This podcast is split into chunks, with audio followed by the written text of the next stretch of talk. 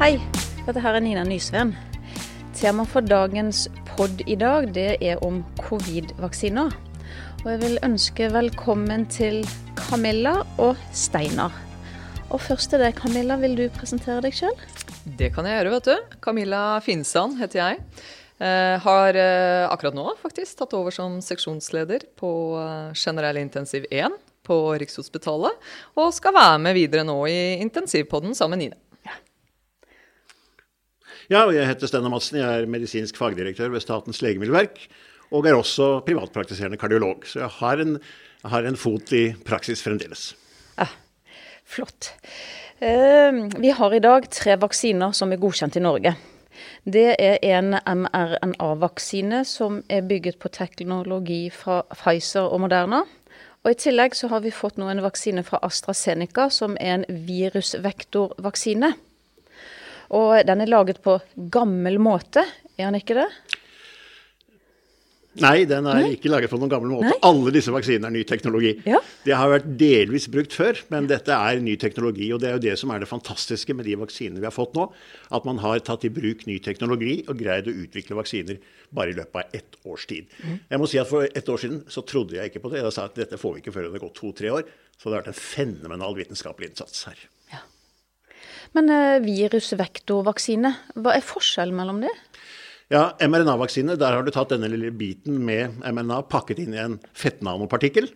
Mens eh, når det gjelder virusvektorene, så har du pakket dette arvestoffet inn i, eller koblet det til et virus, som så infiserer cellene og gir fra seg dette arvestoffet. Mens disse små mRNA-bitene de tas direkte opp i cellene.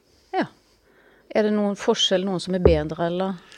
Ja, Disse to mRNA-vaksinene synes å være veldig vellykkede vaksiner. Veldig høy effektivitet, lite alvorlige bivirkninger. Og eh, sannsynligvis også ganske effektive mot spredning av virus. For det er noe av det vi ikke helt vet i dag, det er om disse vaksinene faktisk beskytter du, mot spredning av virus. Du blir infisert, du blir ikke syk, men kan du gå rundt med viruset i nese, svelg, luftveier og spre det allikevel. Det ser nå ut til at data fra Israel tyder på at det også demper spredningen av virus. Og så er det det spennende med disse mRNA-vaksinene. Det er at hvis nå mutasjonene kommer, og de kommer, og vi har noen allerede, Ja. så kan man faktisk Pfizer og BioNTech har sagt at de kan greie å endre denne vaksinen på kanskje bare seks til åtte uker til en ny vaksine. Det er jo ikke lang tid. Nei, det er en fenomenalt fin teknologi. Og egentlig er det utrolig den utviklingen vi har hatt det siste året når det gjelder vaksiner. Men øh, vil de fortsette å mutere? For nå har vi liksom fått øh, den britiske og den sørafrikanske og brasilianske. Og Det vil bare fortsette. Og, og skal bare minne folk på at dette viruset har mutert ikke bare tre eller fire ganger, det har mutert tusenvis av ganger. ja. Fordi de fleste av disse mutasjonene betyr ingenting. Så de skal vi ikke være redd for. Men så er det da de mutasjonene som betyr noe. Og det er jo de du nevnte, nemlig den engelske, den sørafrikanske og den brasilianske, som endrer virusets egenskaper, endrer virusets evne til å binde seg til kroppscellene våre, og som gjør at vaksinene og andre legemidler vil kunne virke dårligere. Men du, du sa at de kunne kjapt eh, endre vaksinene. Men det vil jo si den mRNA-vaksinen fra Pfizer og Moderna. Hvordan er det med AstraZeneca? Den kan også endres relativt fort, men kanskje ikke så fort som disse mRNA-vaksinene. Og det morsomme med mRNA-vaksinene er at du kan jo også sannsynligvis kombinere flere vaksiner i samme nanopartikkel. Du tar litt mRNA derfra, litt mRNA derfra og litt mRNA derfra, og pakker det inn i samme partikkel. Hvis vi nå går litt inn på denne AstraZeneca-vaksinen, da.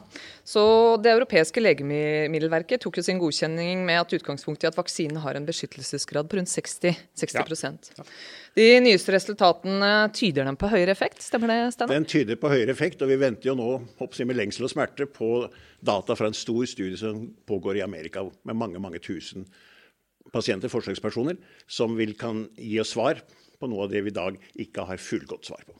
Ja. ja. for det har jo vært litt sånn heller Eller i media har det jo vært i det siste. Blant annet eh, NSF sin, eh, sin leder, hun Lill Sverresdatter Larsen, gikk i forrige uke ut og ba Folkehelseinstituttet om å re revurdere AstraZeneca-vaksinen til helsepersonell. Og, og man, mens man i Folkehelseinstituttet ved Bukholm har jo sagt at de ikke har noen grunn til å tro at AstraZeneca-vaksinen er noe dårligere enn Pfizer og Modena. Eh, selv om vaksinene har et lavere effektmål. Hva, hva, hva tenker tenker du om det? Ja, jeg, jeg tror det er riktig. Fordi eh, vi må se på vaksiner. Vaksiner har vi hatt tre hensikter. Det ene er å beskytte mot alvorlig sykdom, så det ikke havner på intensiven, for å si det sånn. Mm, det er kanskje det aller viktigste. Og så er det å beskytte mot lett sykdom, mm. slik at du ikke kommer på sykehus. Og så er det å beskytte mot at du blir smittet i det hele tatt. Og det vi vet, det er at AstraZeneca-vaksinen beskytter nesten 100% mot alvorlig sykdom, så langt vi kan se det. Også mot lettere sykdom. Men akkurat der er det litt i tvil. Men den beskytter veldig godt mot alvorlig sykdom. Mm. Eh, det har jo vært på et tidspunkt eh, sagt at personer over 65 eh, år ikke, at ikke har vært anbefalt for den vaksinen. Men nå ser jeg at Verdens helseorganisasjon har kommet med noen nye utspill senest i går. Stemmer det? Ja, WHO støtter jo for så vidt av den europeiske godkjenningen, for vi godkjente det også for alle aldre. Mm. Så har vi nå fått støtte fra WHO. Og så ble det litt spekulasjoner, og noen begynte å spekulere før de hadde sett godkjenningen i Europa. Og bl.a. Tyskland, flere andre land sa da over 65 år. Og det er riktig at det er relativt lite data på effekt over 65 år, men vi har masse sikkerhetsdata på at det ikke gir bivirkninger, og at det gir immunogenisitet. Mm. Men det er jo noen helsepersonell som uh, sier det at det, vi vil jo helst ha den beste vaksinen. Og uh, AstraZeneca, er den bra nok? Ja, den er bra nok. Den tilfredsstiller de kriteriene vi har for å godkjenne vaksiner i Europa. Eh, den ligger over det som, er, eh, som vi krever for å godkjenne en vaksine i Europa. Så det er en god vaksine.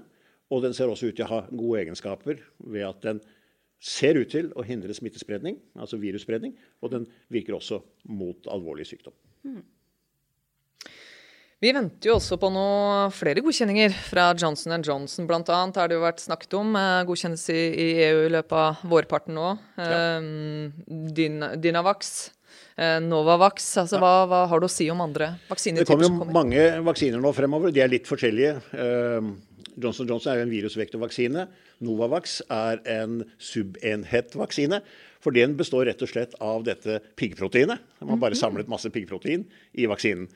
Og eh, så er det jo da flere andre typer. også, noen, vi kaller noe som kalles for splittvaksiner. Da har du tatt og på en måte kokt eh, viruset og delt opp i små biter. Og så er det noen som kommer med svekket virus. Et virus som ikke kan infisere, men som på en måte er litt levende. Men halvdød, kanskje mer å si, da. Så, så, ja, alt i alt så er det en åtte-ni forskjellige teknikker som nå utvikles. Spennende. Hva med Sputnik? Ja, det er jo veldig spennende. Til å begynne med så lo vi jo litt av Sputnik.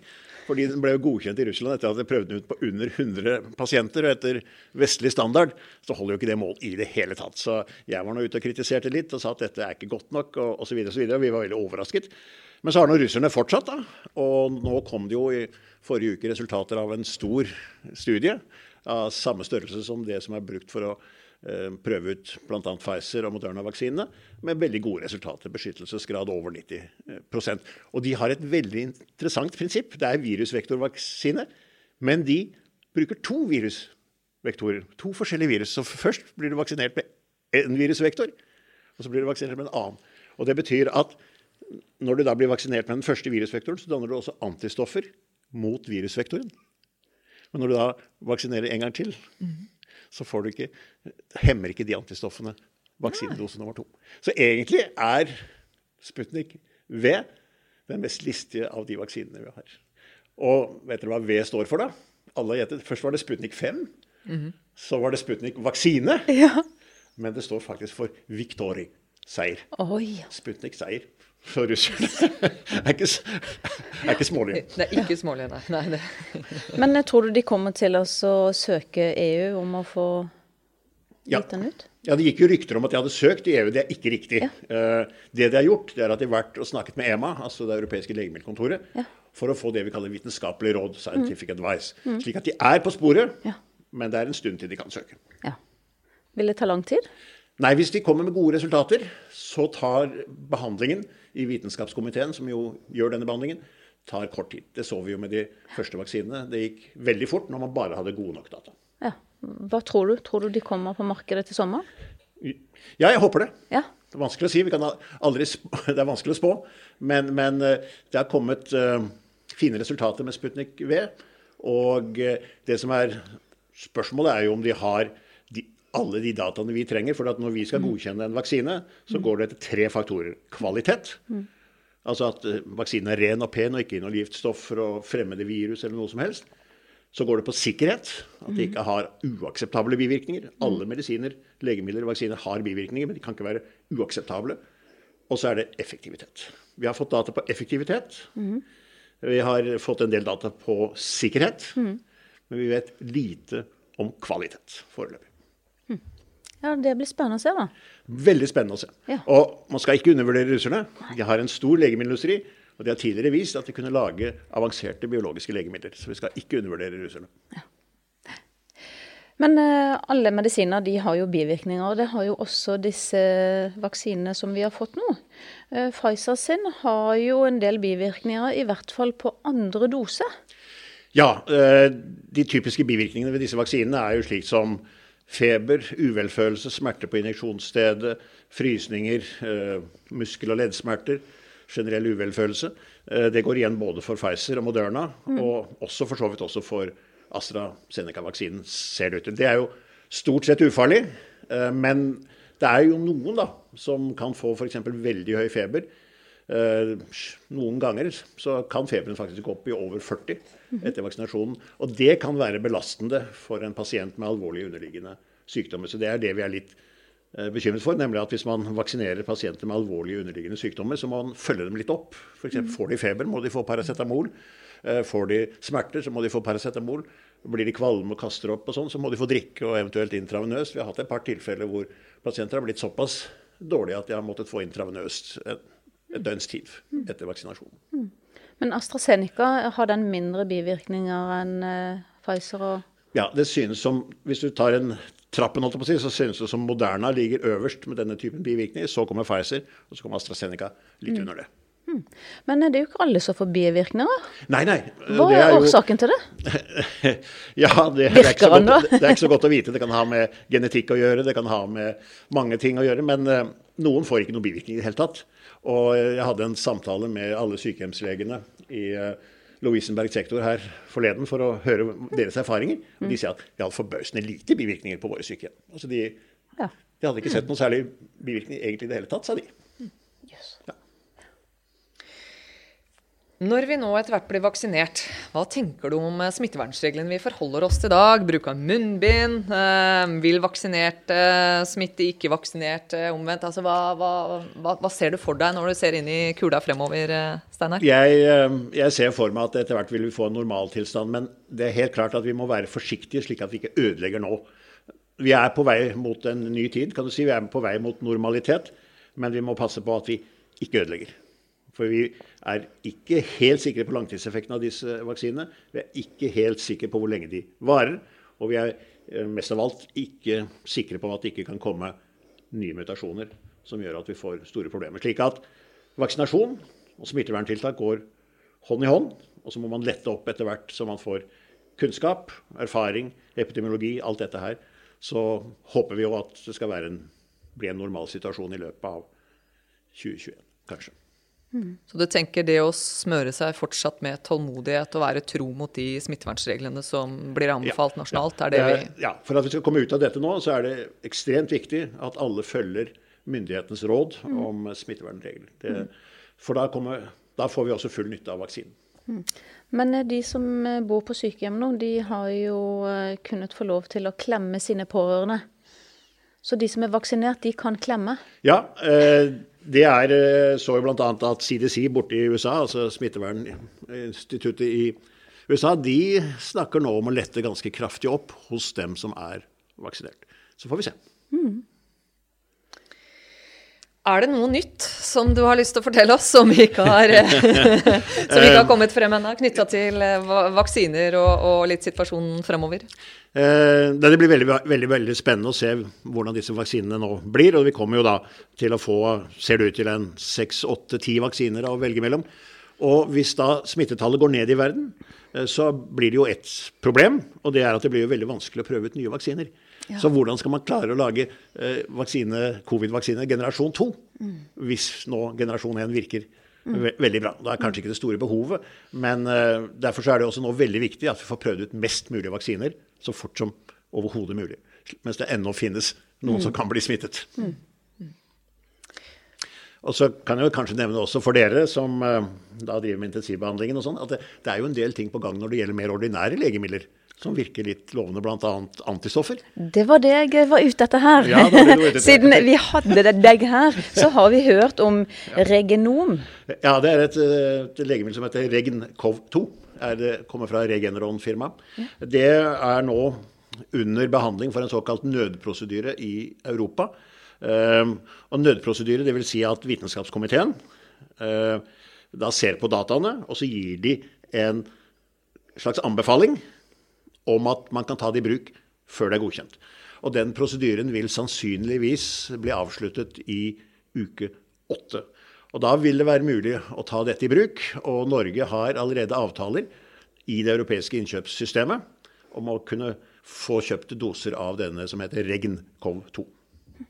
Eh, og den synes å være relativt effektiv eh, ved å hindre at en person som er smittet, som har lette symptomer, progredierer mm. til alvorlig sykdom. Mm. Så den vil kunne være nyttig for dere.